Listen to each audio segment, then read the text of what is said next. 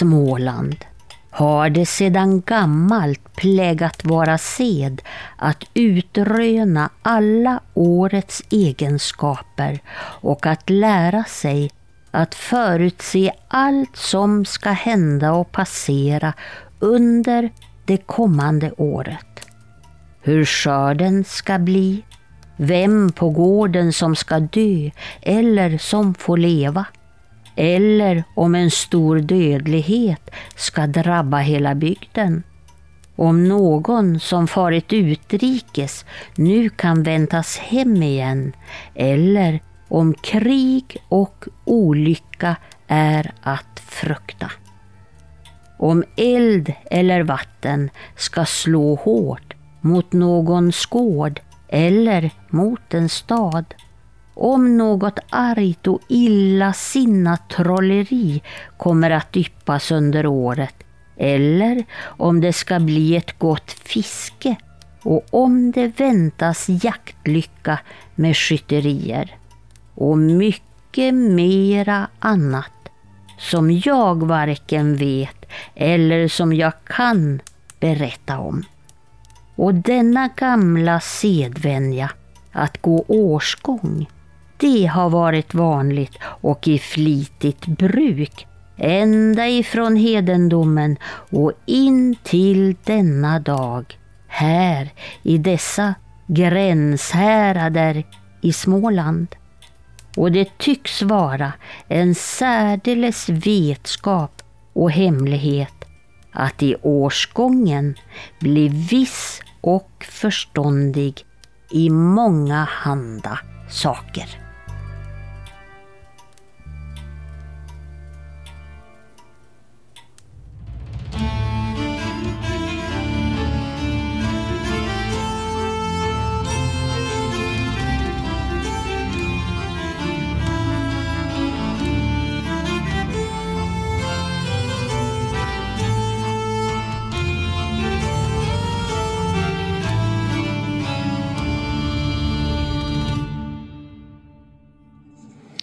Ja, men hej allesammans, vad roligt att se er. Och hej och välkommen till eh, podcasten när man talar om trollen med mig, Lars Wahlström ifrån Oknytt och Tommy Kosela som är doktor i religionshistoria, som är vår vanliga expert.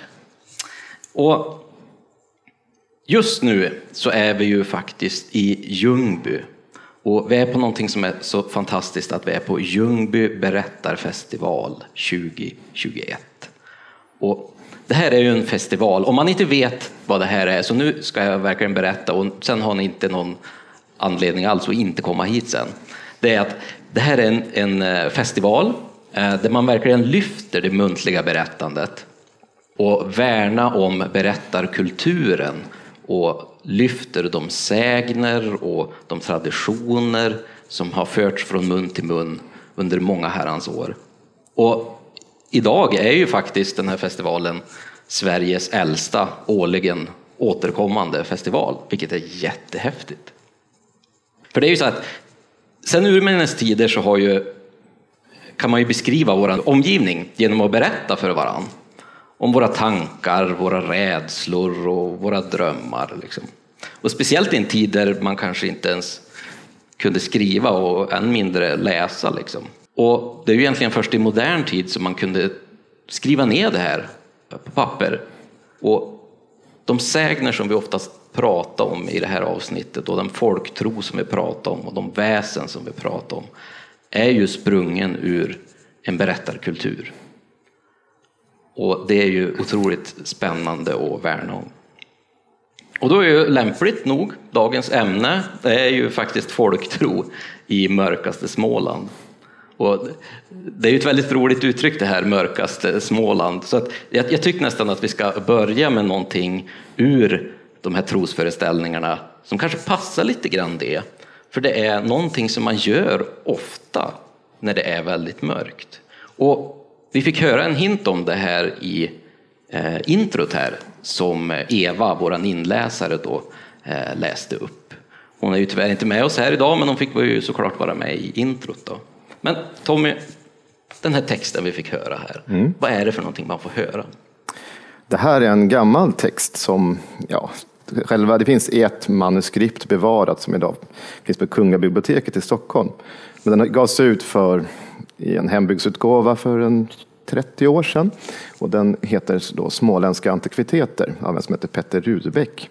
Och den här anses då vara, den är, den är från år 1697 till år 1700 ungefär.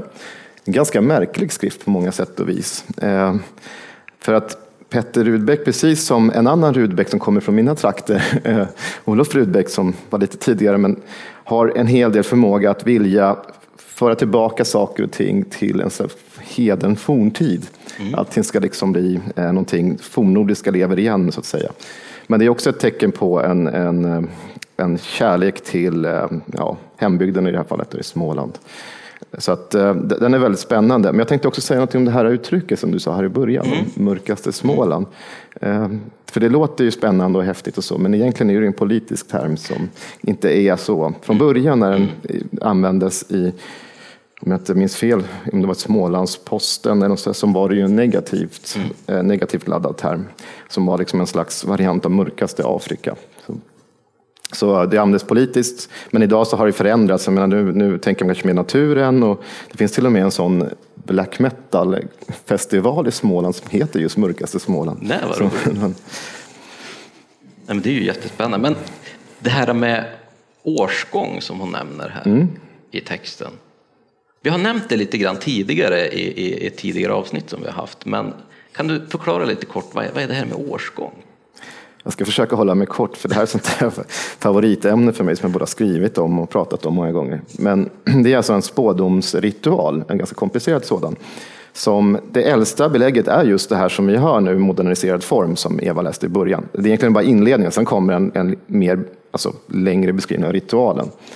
Så att vad det är, och det, det, här är ju äldsta, sen finns det ett par belägg från 1700-talet, som heter Gaslander, och sen kommer det även en tysk resenär som heter um, Arndt som är här 1804, 1804 i Sverige, som också upptäckte den här seden. Och sen kommer det ganska mycket, inte minst av Gunnar Olof Hultén Cavallius som nämner detta som, som årsgång och midsommargång.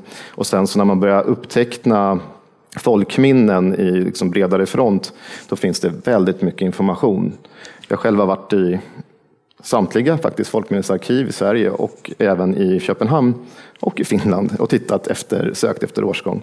Men vad är det det handlar om då? Jo, men det är ett sätt, man ska oftast, och nu förenklar det här för att vi skulle kunna göra ett helt avsnitt om årsgång, mm. men att man då, en person, det kan vara man eller kvinna, oftast är det en man, men det är ganska många uppteckningar som berättar om kvinnor också, som i regel ensam ska julnatten, alltså, eller ja, nyårsnatten, de sammanfaller ju, ska då eh, Dagen innan ska man börja fasta, den får inte se in en eld.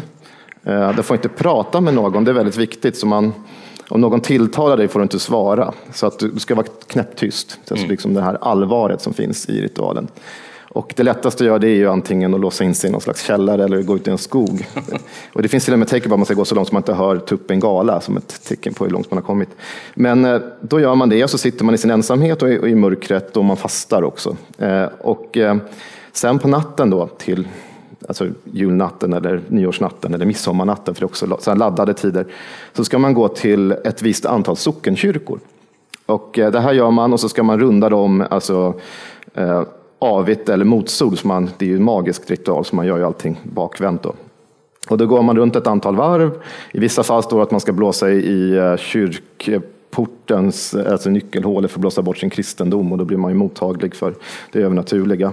I andra finns det andra varianter, men och sen så är det då först på vägen tillbaka man blir liksom sinnena öppnas, man ser och hör saker och känner på sig vad som kommer ske. Inte för en själv bara, utan för hela bygden. Och det här som skiljer den här spådomsritualen från många andra, att det liksom har med hela bygdens eh, framtid att göra. Man kan höra, precis som Eva läste i början här från, eh, från Rudebeck, då, att eh, om det blir krig, om det blir trolldom, om eh, vem som gifter sig, vem som dör. Man, man kan möta begravningsprocessioner, man möter övernaturliga väsen som försöker då jäklas med årsgången. Allt för att förhindra att den ska lyckas. Men lyckas den här personen då ta sig igenom och ser och hör så vet den ju vad som kommer ske. Vem dör i bygden? Mm. Vem gifter sig? Och kommer det, bli, kommer, kommer det komma soldater här som kommer liksom förstöra i omgivningen eller inte? Så att den här personen då i regel var ju ganska i många fall beskrivs det som kunde vara små, fruktad nästan i bygden. För att i många uppteckningar står det att den får inte berätta vad den vet. Mm. Och är det så, så är en sån person ju ganska läskig att ha att göra med helt enkelt. Den vet ju. Om du går och pratar med den, alltså, tänk, tänk, om jag ska dö under året, då vet ju den här personen det, men den säger ingenting. Så det, sådana saker gör jag, men samtidigt är det här då en mystik som omgärdar den här personen, som samtidigt gör att um, den tänks ha krafter. Den, I den här årsgången, så ibland så sägs att den ska då få tag på en osynlighetsmössa eller framför allt en runkavle eller en svartkonstbok, vilket gör att den blir klok och kan trolldom. Mm. Så att man kunde vända sig till en sån person. Men det finns jättemycket uppgifter om årsgångar. Jag själv har ju läst ett par tusen uppteckningar om detta. Framförallt då från eh, Folkminnesarkivet i Göteborg, Nordiska museet och Folklivsarkivet i Lund. Lustigt nog så var jag även i Folkminnesarkivet i Köpenhamn, men hittade ingenting om det där. Men det är ju märkligt, för ja. det ligger ju väldigt, väldigt nära jag tänkte också Danmark det. och är, ligger ju ännu närmare det gamla Danmark. Mm, ja, de danska landskapen är väldigt nära. Men, mm. men däremot så finns det väldigt gott om uh, årsgångsbeskrivningar i Skåne, Blekinge, Halland också. Mm. Det, det, det liksom går hela vägen upp i Västergötland också. Uh, finns det sporadiskt i Östergötland och i Uppland och till och med någon enstaka i Värmland och så. Men uh, kärnområdet är absolut här. Och jag tänker mig själv att Småland är förmodligen liksom där det här har framförallt kanske uppkommit eller det här har varit mest utövat så att säga. Det, det finns ju en hel del eh, inom eh, folktro som vi oftast kanske eh, ibland använder lite eh, slarvigt, men just de här eh, trolldomsritualerna för att se in i framtiden. Det är ju, en klassiker är ju den här att på midsommar samla ett antal blommor och lägga under kudden och det finns lite eh, kärleksritualer för att man ska kunna få se vem som kommer att bli din eh, man eller fru. Men är det, vad är det egentligen som utmärker just den här årsgången? Det, det, det är det att det är ett visst antal komponenter som man känner igen och plus som sammanhänger. Mm. Och att den har oftast det här, det kan ju kallas för ödegång eller andra saker också, men att den, har ett, att den brukar kallas för något särskilt. Att man känner igen det där. Men just att det är det och sen att det inte är bara ditt egna öde. Mm. För de här kärleksritualerna du beskrev nu som oftast är väldigt förekommande kring midsommar och då är det oftast unga kvinnor som gör detta. Man kan gå runt brunnen, till och med runt stugan räcker ibland. Och så där. Så det finns massa, men det vill man då få reda på sin kommande man. Eller äter, så äter man drömgröt eller drömsill. Jag vet inte, jag kanske ska förklara vad drömgröt och grönt drömsill Gör gärna det. Det, det där eh, senare lät inte jättegott. Nej, och det gör inte första heller. Det är alltså en gröt som görs med väldigt stor mängd salt. Och du får oh. inte dricka. Så, när du lägger och sover på det här så kommer du ju bli väldigt, väldigt törstig. Och då kan du drömma om din tilltänkta och då är det ju så att om eh, då kommer han ställa fram, du kan också ställa fram glas, men i drömmen brukar det här vara då, så att då, om han väljer ett glas med sprit, då blir det en suput som hon blir gift med. Mm. Ett glas vin, ja, men då är det en ganska fin herre som kan komma. Och glas vatten, då är det liksom en enkel bonde. Ja, det skulle man ju faktiskt kunna testa någon helg. Sådär. Eh, utifall att man skulle råka gå upp mitt i natten och dra i sig någon sup. men det här med årsgången är ju rätt intressant för att man får ju möta lite speciella saker när mm. man är ute eh, och gör den här vandringen. Absolut, det finns ju ett visst antal Egentligen kan man säga att hela folktrons arsenal kan släppas lös mot årsgången. Men eh, dels så är det vid kyrkan och där finns det ett ganska känt väsen som kallas för kyrkogrim. Mm. Eh, särskilt också i södra och västra Sverige så finns väldigt mycket uppgifter om kyrkogrim. Eh, det skrevs en väldigt fin eh, storstudie av en som heter John Pape en gång i tiden, mm. 40-talet, om detta. Och han tittar på antal djur. Det oftast, oftast är det en berättelse om att det första djuret när en kyrka upprättas, eller första levande som kommer dit, ska liksom dödas och begravas i samband med det här bygget. Och den blir då första kyrkogrimen som skyddar eh, kyrkogården mot tjuvar. Det kan vara en häst, det kan vara en bock, det kan vara väldigt sällan, men det kan också vara en människa. Eller det kan vara en höna eller någonting annat som, som skyddar platsen. Och det här blir ju en naturlig fiende för årsgången, för den försöker också förhindra. Han, är ju, han eller hon inkräktar på kyrkogården med sina magiska. Mm. Det, kan, det finns berättelser om varulvar och andra väsen som också försöker förhindra årsgången. Och, och vanligt är också att det kommer eh, vättar, alltså underjordiska, som på olika upptåg och skämt försöker förhindra årsgången att bli klar. Alltså försöker få honom att skratta, honom eller henne. Eh, skratta, titta bakåt, avbryta det här, precis som med sådana här skatt, eh, alltså sådana som söker skatter, sägner om sådana skattjakter så att säga. Så det är samma motiv som vi finner här. Men jag tror det du tänkte på, det är naturligtvis kanske det kändaste eh, motståndaren mot årsgångaren är naturligtvis en jättesugga som heter gloson eller glufzoen eller någon annan variant som finns om, om, om detta. Det, det är ju ett, det är som ett jättestort, eh, det är ett zoo, det har namnet. Vad, glo, alltså, vad följaren betyder har ju tolkats olika. Om det har att göra med blicken eller om det har att göra med att den rör sig på ett väldigt speciellt sätt. Och sådär. Men det är ju i alla fall, det vanligaste är att den, att den hon angriper årsgångaren och rusar emot i full fart och hennes rygg brukar vara som ett sågbladstandad, alltså, så att den är liksom väldigt vass och så vill den klyva årsgångaren i två delar. Alternativt att den bär iväg årsgångaren på sin rygg flera socknar eller ännu värre flera landskap bort. Så att, och det är ju egentligen samma sak. Antingen så blir den här personen då galen av den här äh, vilda ritten eller så dör personen i fråga.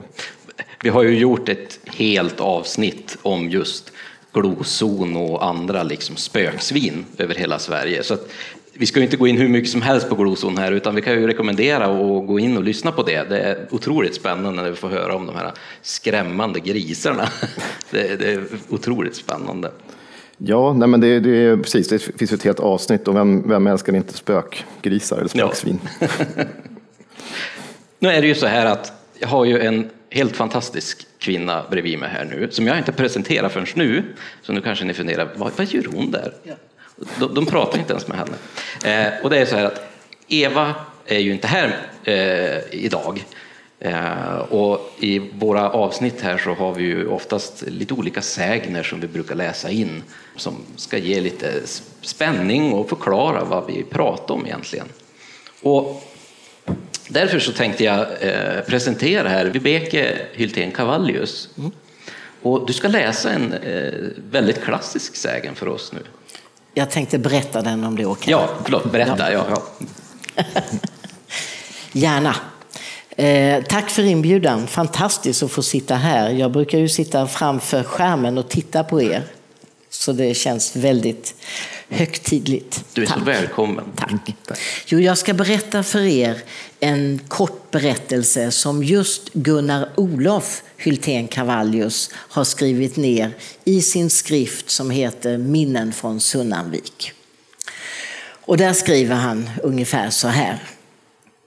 Sen urminnes tider så har det varit tradition, åtminstone här i Småland, att så länge ett nyfött barn är hedet, och det betyder är odöpt, så måste elden brinna natt och dag för att hålla trolldom borta och för att inte riskera att det här lilla barnet blir bortbytt.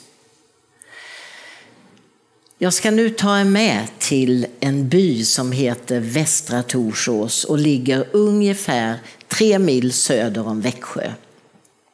Och där låg det en gård som hette Håldala. Håldala hade gått i arv i generationer och nu bodde det unga paret Anna och Olof på Håldala. Anna väntade deras första barn. Och när verkarna gick, då var Olof inte hemma. Anna födde ett välskapt litet gossebarn och hon la den lilla pojken i en sviktvagga som hängde ner från sparrtaket alldeles bredvid den öppna elden. Hon var trött, så hon la sig på sängen och somnade. Plötsligt vaknar hon med ett ryck ve och fasa. Elden hade slocknat. Och hon ser, hon ser konturerna av en skepnad som närmar sig sviktvaggan och som har ett barn på armen.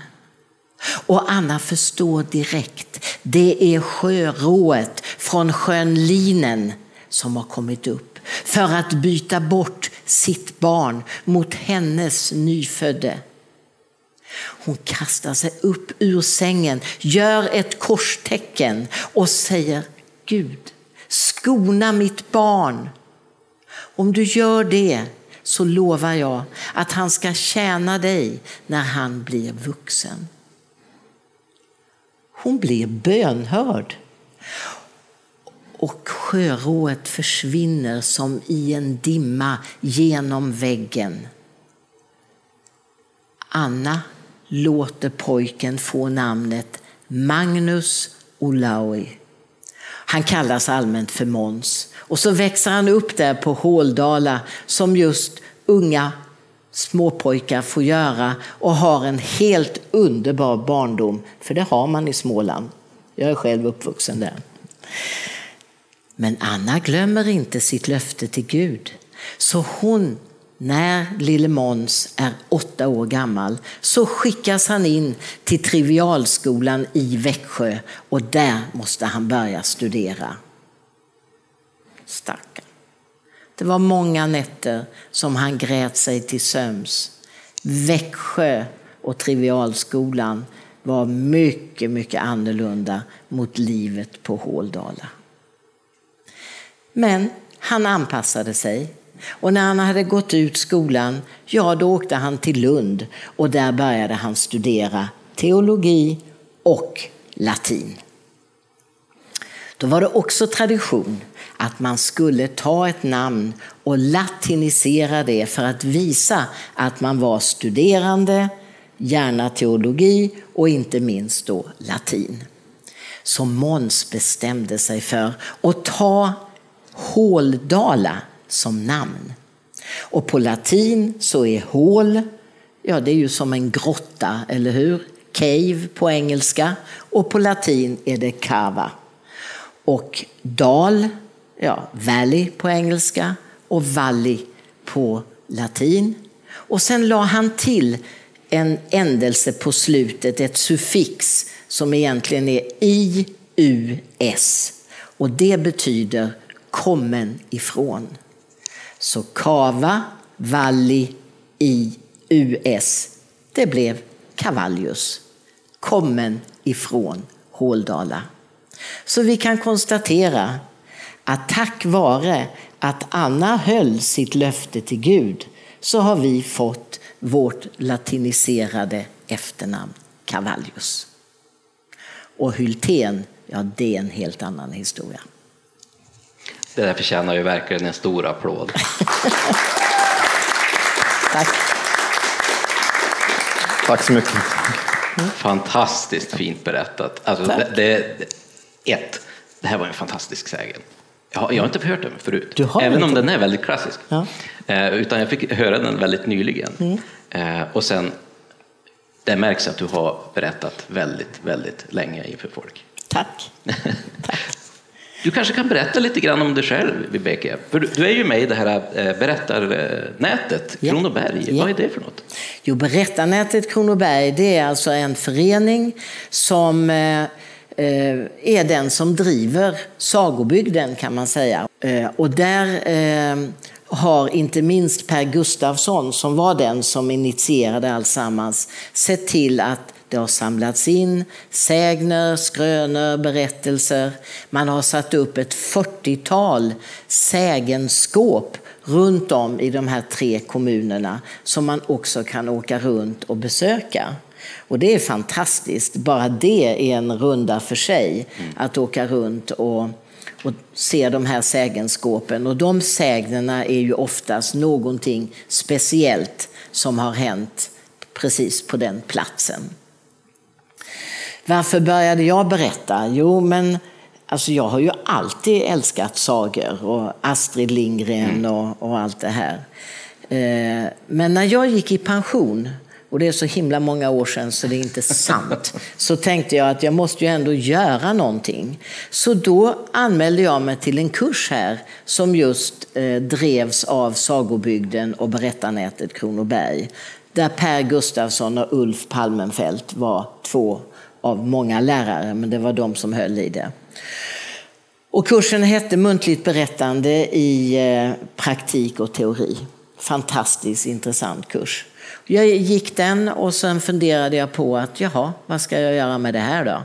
Så jag startade ett litet företag, ett enmansföretag som heter Ad Metam. Och ad metam det är latin och det betyder mot målet. Och det var Gunnar Olof och hans två bröder som bestämde sig för att det här kan väl vara ett lämpligt familjemotto. Jag kan ju bara inom parentes berätta då att om man har ett företag som heter Admetam så är det ju inte alla som har läst latin. Så ibland blir jag uppringd av någon ung sån här försäljare som säger ja, äh, hej, hur, eh, hur går det med bilen? Jo tack, det går bra. Hur så? Ja, men alltså admetan, den går ju på metan. Går det bra? Så då.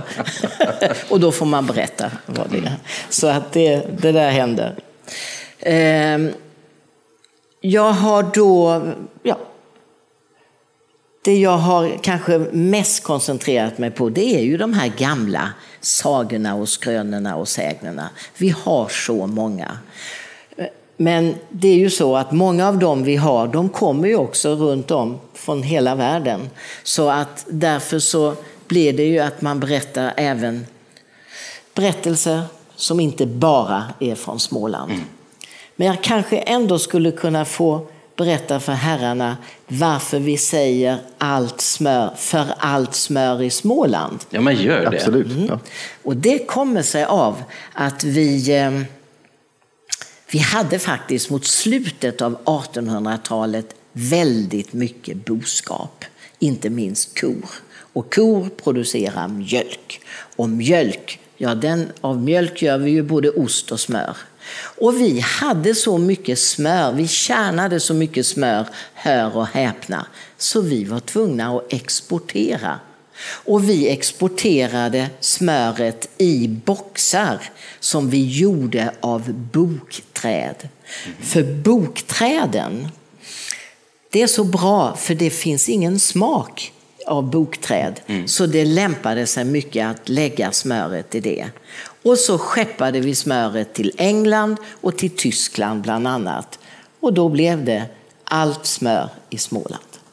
Ja, men det är ju, sån där eh, trivia tycker jag är så himla intressant. Alltså, små, små, små grejer som man aldrig har tänkt på förut. Det är uttryck som man använder men man förstår inte innebörden. Nej. Och ja, jag får verkligen tacka. En, en stor applåd igen för Vibeke. Tack för att jag fick vara med. Då vänder jag mig tillbaka till Tommy igen. Det är ju så här att vi fick ju höra här både i, i sägnen och, och Vibeke nämnde ju här Gunnar Olof. Den här Gunnar Olof Hyltén Cavallius. Ibland kallas han ju för svenska etnologins fader. Vem var han egentligen? Alltså om hans liv, det är en historia i sig som vi kanske inte ska prata om, för den är ju ganska lång och den är väldigt spännande och rik. Eh, men det är en person som har skrivit som han just har blivit berömd för det du sa där. Etnologi kan man också diskutera vad man menar med etnologi. För att det var ett, han skrev sin Värn och Virdane eh, 1883 till 1884 första delen, sen kom den 1888 del två. Eh, och den har ju undertiteln ett försök i svensk etnologi. Men det är inte riktigt vad vi tänker på ämnet idag. Men han, det här är alltså en kärleksförklaring till världen, alltså hans hembygd. Och eh, han beskriver dels eh, historien om eh, långt tillbaka till forntiden så att säga. Han börjar. Han har jättemånga många spännande idéer om jättar och troll och allt möjligt här som, som kommer in i tidiga bebyggelsen och sen så går han in som det som är mest spännande tycker jag är ju den här delen som handlar mycket om folkliga föreställningar, folktro. Mm. Och här var han ganska på sätt och vis banbrytande, i alla fall stilbildande i sådana här eh, ja, hembygdsböcker man ska säga, som beskriver en, en, en liksom hembygd på ett väldigt djupt ingående sätt. Och jag tänkte jag ska ta faktiskt och läsa för att eh, Medan du letar reda på ja. det där så ska jag faktiskt eh, ta en sak här. Och vi pratar ju här om den här boken Värend och Virdane. Eh, som vi har nämnt i tidigare avsnitt också, som är en fantastisk bok och vi ska ta fram eh, väldigt mycket intressant här nu. Men det är en lite lustig titel för den som kanske inte riktigt förstår vad det betyder. Och det är ju så här att Småland är precis eh, vad namnet antyder, Småland. Och tillbaka i, i tiden under medeltid så var just, bestod ju Småland av många små länder. Då. Och Värend är ju precis som du säger då, Eh, ett av dessa länder. Och Virdar är hur man kallade befolkningen. Så att man skulle nästan kunna säga lite grann landet Värens och dess befolkning. Ja, eh, jag hittade här och det var, eh, jag vet inte vad jag sa nu, vilken tid det kom ut. Det var 1863, 1864, 1868. Jag tyckte jag sa 88, jag är inte säker. Hoppas jag inte sa fel först. Nej, men jag har en, vad, vad den har betytt så kan man liksom gå till en annan stor kändis, Vilhelm Moberg. Mm. För han har också beskrivit vad den här boken betyder. Han har sagt att det är hembygdens bibel, så att det är, det är ju ganska starka ord. Och han skriver så här om den, in citat. Den hör till de böcker på mina hyllor som sällan har fått stå i fred på sin plats. För varje gång jag läser om världen och Virdane upptäcker jag något nytt i den. För varje gång häpnar, häpnar jag över den rikedom av kunskap som detta verk rymmer. Jag beundrar på nytt författarens stil med dess stränga saklighet. Den uppfyller kravet på verklig epik. Det är en av de böcker jag djupast upplevt med själ och hjärta och alla sinnen. I världen och Virdane lever mina fäders forntidsvärld, hedendomens värld. Och där skall den leva så länge böcker överhuvudtaget läses av människor i detta land. Alltså det är ju, det, kan man få en sån där recension när man gör en bok så ska man vara glad. Särskilt av en person som Vilhelm Moberg. Ja, absolut. Även August Strindberg har uttalat sig väldigt positivt om den och många har ju sagt väldigt, väldigt fina ord om den. den har liksom, många har ju liksom kopierat stilen. Och så sa jag det här att man gärna söker sig tillbaka till forntiden. Han var tidig i Sverige på detta. Men det finns en annan man kan jämföra med och då rör vi oss söderut till kontinenten och då har vi en av bröderna Grimm. Mm. Eh, och det är Jakob Grimm som då skrev Deutsche Mythologi som också är stilbildande i mitt ämne i religionshistoria som håller på med fornnordisk religion.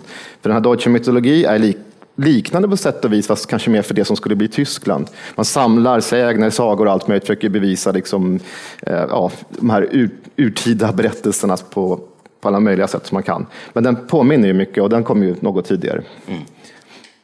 Men vad har egentligen eh, Gunnar-Olof gjort för avtryck i bevarandet av småländsk folktro och tradition?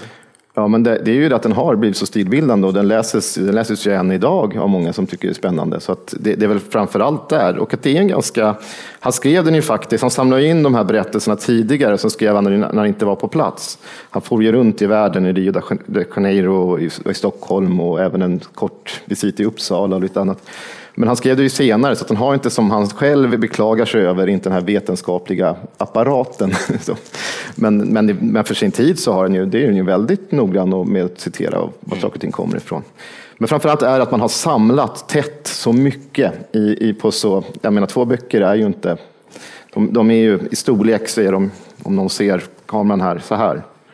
Men det ser ut att vara väldigt mycket sidor, men det, det men det, de är väldigt täta, det rymmer väldigt, väldigt mycket skatter. Det är ju alltid lite tråkigt i det här programmet ibland för att vi tipsar ofta om böcker som är jädrigt svåra att få tag på.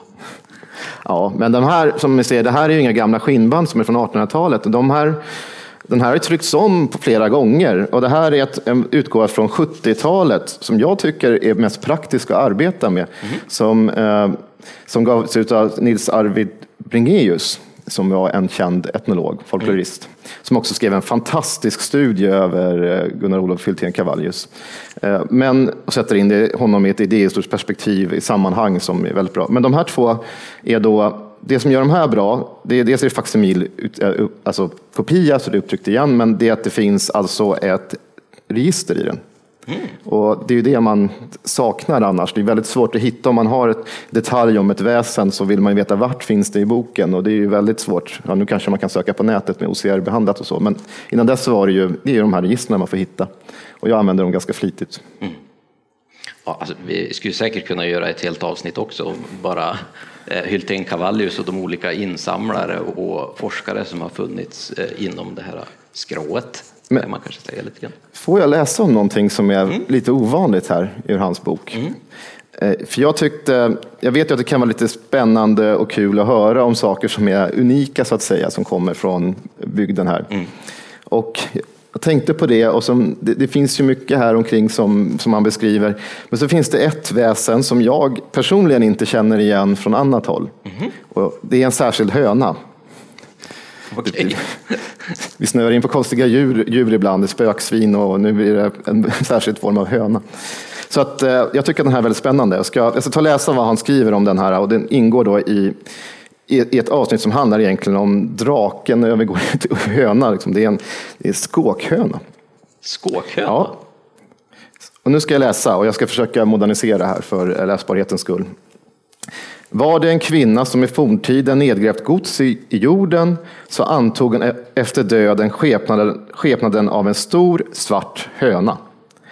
Hon ligger då liksom draken och ruvar sin medel i jorden eller röret där hon fordom gömt dem. Även har hönan blivit sedd när man skolat taga upp kyrkoklockor som fallit ned i sjön samt annorstäders där mycket dyrbart gods finns undangömt. Och nu kommer beskrivningen här av hönan. Hönan har emellertid sina svarta fjädrar, ja, står emellan sina svarta fjädrar någon gång en vit fjäder, men blott en enda. Har hon en sådan vit fjäder så kan man vältra henne bort ifrån skatten och ta hennes gods. Mm. Men är hon alldeles svart så låter det sig icke göras, utan det är, det är bara någon som vet sådan konst att han kan söva henne. Annars skåkar hon eller flaxar med vingarna och då försvinner hela skatten i jorden. Av detta skåkande blir hon stundom skåkhönan. Även heter det att hon skiftar hamn och på mångfaldiga andra vis skrämmer dem som vill taga hennes gods. Ja, hon sägs till och med kunna öda och fördärva dem. Och så ligger hon och ottar eller vaktar eh, sina medel tills domen kommer. Det, det, låter ju lite grann som en, en, form av drake, precis. Ja, precis. Det är ju sådana här skattväktare. Mm. Men jag har inte stött på just den här formen av höna. Jag har stött på en del spökhönor också. Mm. Jag har fäbless för spökdjur. När jag övernattade, nu drar vi oss söderut då till Skåne, men jag övernattade i samband med föreläsning i Glimmingehus och läste på om sägner om Glimmingehus. Där. Och då fanns det också berättelser. Kurt Wallin har gjort en jättefin sammanställning över sägner därifrån. Och då fanns det också en spökhöna. Mm. Och den natten gick jag hoppades på att den här spökhönan. Tyvärr såg jag ingen. Den har, har ibland små kycklingar efter sig, det gör det ännu gulligare. Ja, då. Men alltså, det måste ju finnas fler väsen som är ytterst förknippad med Småland. Vi har ju någonting som vi kommer att prata om framöver och det är ja. ju trollen. Och vi kanske ska börja, de flesta vet vad ett troll är, men när jag tänker på Småland och troll så tänker jag också på adelssläkten Trolle.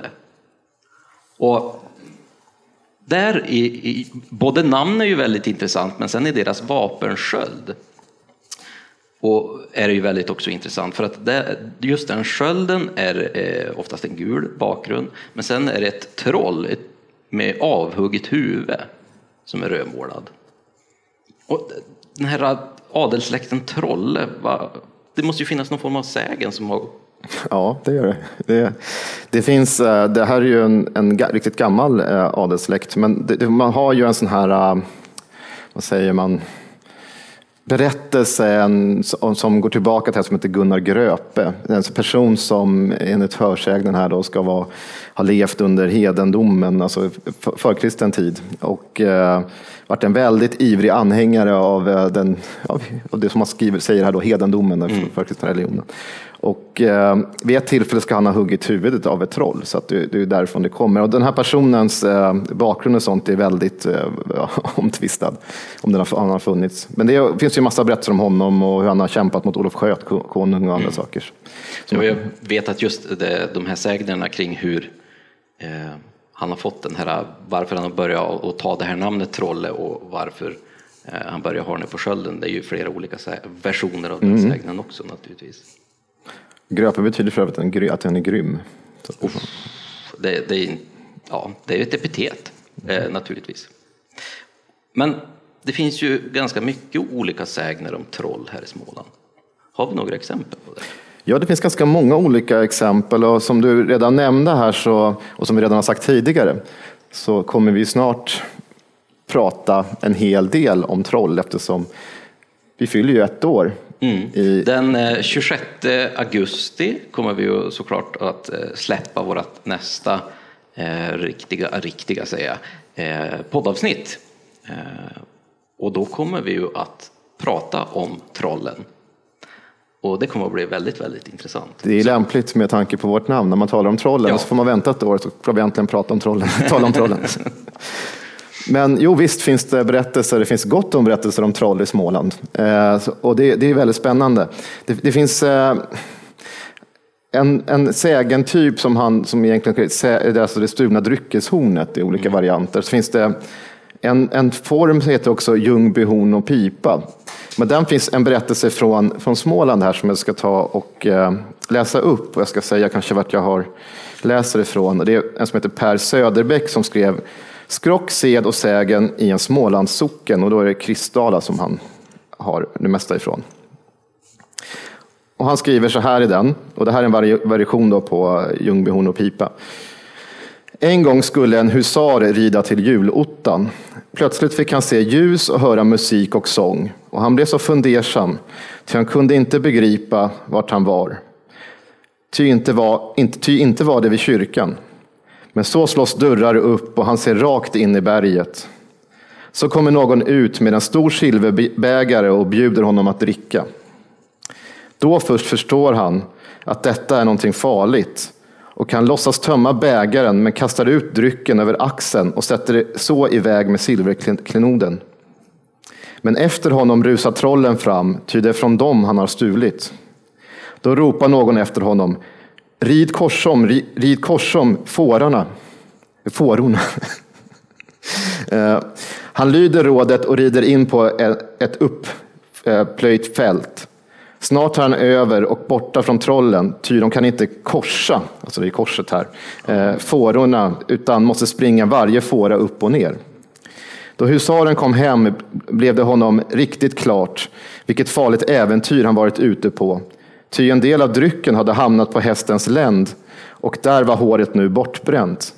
Bägaren som husaren tog från trollen lär ännu finnas i Gårdveda kyrka.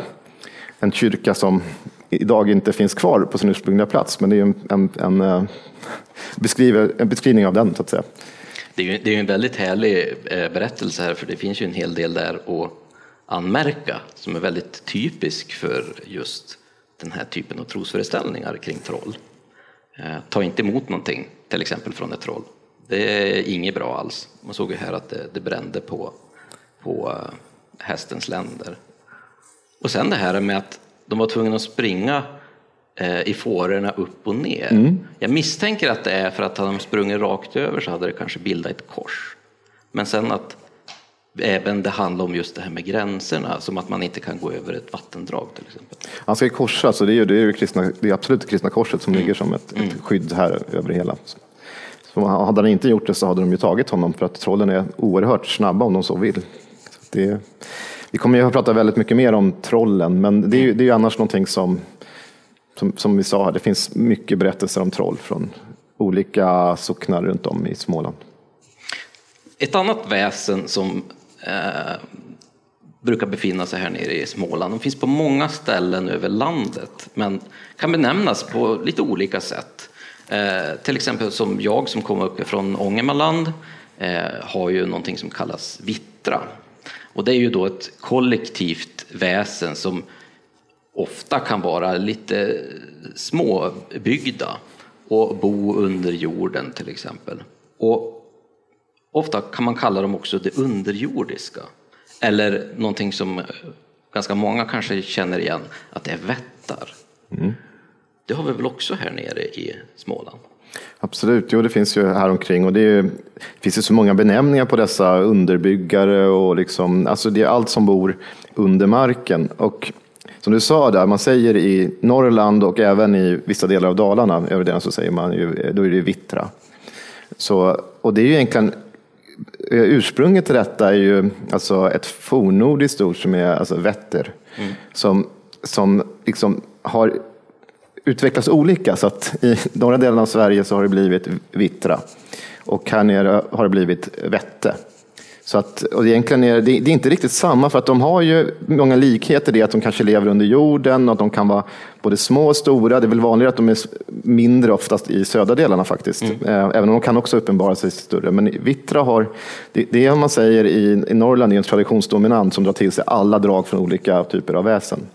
Men här blir de som en egen grupp. Det är som ett kollektiv av, av eh, väsen som lever i, familjebild, de lever i familjer och man ska oftast inte störa dem. Ni har ju det här när ni ska kasta ut jag vet inte om ni brukar kasta ut kokande vatten längre genom... man ska alltid ropa så att de inte mm. blir skollade för då, då kan det gå riktigt, riktigt illa. Så att de har, de har oftast är de ganska obrydda om människorna. Det är ju först om de väl kommer till någon så finns det en sägentyp som handlar om att de vill att en ska bli förlöst som ligger i, det kan vara på gården, så helt plötsligt så uppenbarar sig en kvinna eller man i, i farstun och sen så vill den ha hjälp och så kommer en person ner som helt plötsligt finns det en dörr ner i underjorden eller liknande och så helt plötsligt, då, då bor de där under så går han, han eller hon in i ett sal och så ser han att en kvinna som ligger där och i barnbörd och så ska han hjälpa med förlossningen och då får han som tack då silverskedar oftast. Men det är en sån där ganska känd eh, sägentyp som mm. finns, inte bara i Småland utan runt om i, i, landet. Just de här vättarna och de underjordiska, de finns ju på så många ställen över landet som sagt. Är det någonting som utmärker just i Småland eh, kring de här sägnerna kring, kring vättar? Nej, jag tror att här finns det mycket, nej, det, det, jag kan inte på rak arm säga att det är någonting som ska, jag ska säga typiskt småländskt om vättar. Så. I många samlingar som finns om folktro i Småland så brukar de inte om vättar vara en egen kategori utan det kommer annat. Det kommer, mm. ja, skogstypsnuvan eller det kommer olika rån av olika slag eller så kommer just eh, troll och, och gengångare och annat. Men det är ju samma som man kan förvänta sig på många håll. Mm. Vi brukar ju ha ett parti i våra avsnitt där vi pratar om populärkultur och hur man har inspirerats av folktron för att göra sina verk. Och nu är vi ju i Småland. Mm. Och om man tänker på författare här i Småland så finns ju en stor mängd. Men kanske en av landets mest älskade författare är ju då Astrid Lindgren och hennes verk. Och hon har ju faktiskt gjort en hel del eh, skriverier där hon har haft med inspiration av folktroväsen. Mm, det stämmer. Jag tror att alla här har läst eller kanske sett filmatiseringar av Emil i Lönneberga exempelvis. Och här finns det ett parti där som det nämns myling, mm. skräms med mylingar. Mylingar är ju ett mördat barn som, eh, som alltså när modern inte kan behålla det så att hon mördar och gräver ner det. Det kan vara aborterat foster så att säga. Och, och det här är någon som sen spökar och liksom försöker eh, uppmärksamma andra på att vad som har hänt, för den vill komma i vigd jord, för det gör den inte förrän den, den liksom i lönndom lagd någonstans, alltså i, under eh, golvet i stugan eller oftare ute i skogen. Och den visar sig så. Men i, i Astrid Lindgren så, är det ju, så skräms ju barnen av, av, av det här. Annars är det det man tänker på som kanske känns väldigt eh, som det skulle kunna vara en del av eh, svensk eller nordisk folktro. Mm. Det är ju såklart det vi märker i Ronja Rövardotter. Och här har ju Astrid gjort någonting som jag tycker är fantastiskt, för både i boken och sen så i filmatiseringen, det finns ju den gamla och sen finns det ju en ny sån här eh, japansk tecknad eh, animeserie som bygger som är sju, åtta timmar. Mm. Den ligger väldigt nära också filmatiseringen. Men det, det, som, det känns, liksom, jag börjar öppna ju med de här vildvittrorna. Mm. Och här har vi Vittra igen. Och det känns nästan, hon är ju uppenbarligen inspirerad av andra väsen som inte finns här, så att typ kanske harpyor eller någonting från grekisk eh, mytologi. Du kanske ska berätta vad en vildvittra, det är liksom en stor hemsk fågel. Oftast är det ett, ett gäng med fåglar och så, mm. de var väldigt läskiga i alla fall i den här eh, första filmatiseringen där, för då var det liksom eh, människoöverdel som flög omkring. Så här. Väldigt hemsk. Och hemsk röst hade hon också med en krokig näbb. Ja, liksom. barbröstade. Ja. Men, nej, men de har ju inte funnits. Det är någonting som hon har. Men det känns, det känns ändå som att det skulle kunna funnits. Mm. Alltså i den världen hon bygger upp. För det är ju en, en värld i sig. Liksom en slags, som tolken skulle säga, en subkreation. Mm. Hennes egna då, den här världen. Men sen finns det ju andra väsen. Hon har ju grådvärgar som kommer fram. Som är också såna här väldigt, väldigt skrämmande. Och de är ju någonting som inte heller har funnits. Mm. Men de, de känns som de skulle kunna finnas. Och sen har de sådana här, jag kommer inte ihåg vad de heter, men sådana som är kallar i dimman. Här, eh, jag, jag, tror faktiskt, kallar hon dem de underjordiska? Ja, det kanske hon gör. Ja. Eh, som, som kan locka ner en under jorden med sin sång. Och det är ju lite spännande. Det känns ju som en liten kombination här. Vi kanske inte har jättemycket av det här i Sverige, att man lockar eh, med en sång, förutom då kanske Näcken som just spelar då för att locka ner en i, i fördärvet i, i en å eller en älv. Men att här använder man faktiskt begreppet det underjordiska som ett kollektivt väsen. Jag skulle nästan tänka mig att hon har inspirerats kanske av älvdans och sånt där. Som mm. har, att mm. Det är det som man förs in i dimman och om man fastnar där så kommer man inte loss. Mm. Det är lite, lite det som kanske vet han, Birk och Ronja ja. rockar ut, alltså, de liksom lockas mot det. Och sen får vi absolut inte glömma, i alla fall som barn, eh, så tyckte jag att de var absolut roligast och det är ju faktiskt strumpnissarna. Inte förglömma. Nej. Och, men, men hur har egentligen hennes eh, tolkning av de här olika väsendena påverkat vårat sätt idag att se på de här väsendena? Alltså jag vet inte om det har påverkat annat än att vi, vi förälskade i hennes berättande. Det är väl det som... Däremot vet jag inte alls hur det mottas utomlands om man tänker sig att det faktiskt är en del av svensk folklore eller folktro. Mm. Det har jag ingen direkt koll på. Det är inte alls ovanligt när jag har varit ute och håller eh, mina fotoutställningar till exempel som handlar om folktro, att man pratar om de här väsena och så benämner man dem som en vildvittra. De här eh, vildvittrorna. Va? Eh, så att just de här benämningarna på de här väsena sitter i folks minnen och det är ju inte så konstigt kanske för många av oss har ju vuxit upp med hennes böcker och med, med de filmer som producerades sen.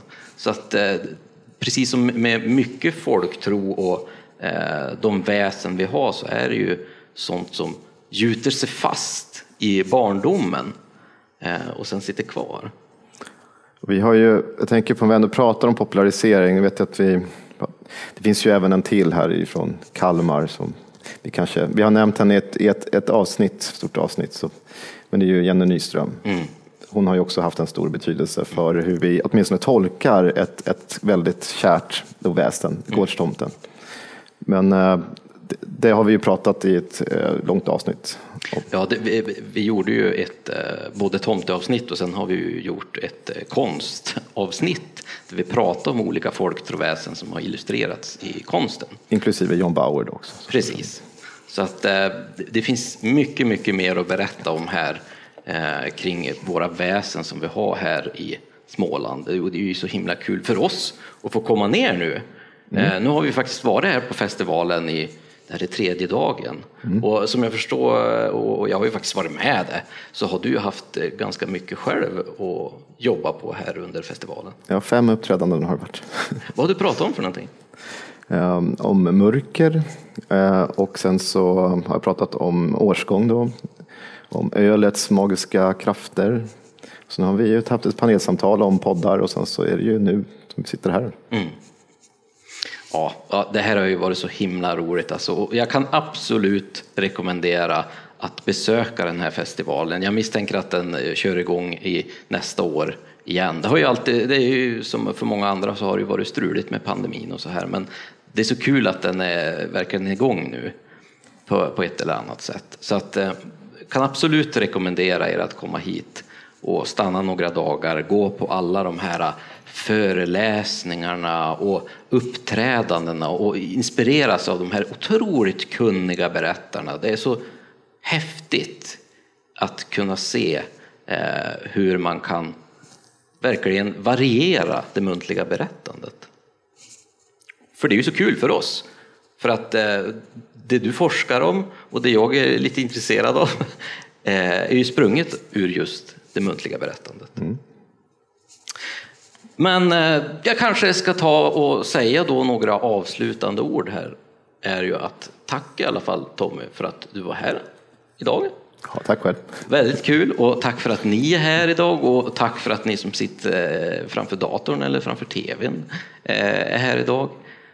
Och jag kan ju påminna allihop om att eh, ni kan ju faktiskt eh, hålla kontakt med oss eller kolla in på våra avsnitt på eh, våra sociala medier. På Oknytt Sverige, både på Instagram och på Facebook. Och Tommy eh, finns ju också på Instagram faktiskt, eh, under Suttungsbrew. Sen har vi också den här eh, jädrigt roliga eh, Facebookgruppen när man talar om trollen efter snack där vi lägger upp lite bonus och grejer och bakom kulissen grejer. Man får oftast se saker där, vad vi håller på med för alla andra, vilket är jättekul. Ska vi säga det, apropå den här eftersnacksgruppen? Mm. Kan vi nästan säga det redan nu? Vi ska snart senare bege oss ut i fotspåren efter Gunnar Olof Hultén Cavallius. Och där kan vi lägga upp lite bilder för de som är Absolut. intresserade att se. Absolut. Så att jag får tacka er så hemskt mycket att ni har varit här idag. Och jag vill tacka Sagobygden Eh, Eh, för att vi blev inbjudna här. Och för vi har haft jättetrevligt. Just det här uttrycket snåla smålänningar tycker jag definitivt inte passar här. För att här har vi blivit verkligen bemött med det mest rikaste, varmaste eh, glädje. Så att, tusen tack! Och eh, den här podden är ju då producerad av Oknytt, Nordisk folktro och mytologi. Och intromusiken och eh, outromusiken som snart går igång är ju då producerad av Mark Jungerman. Tack!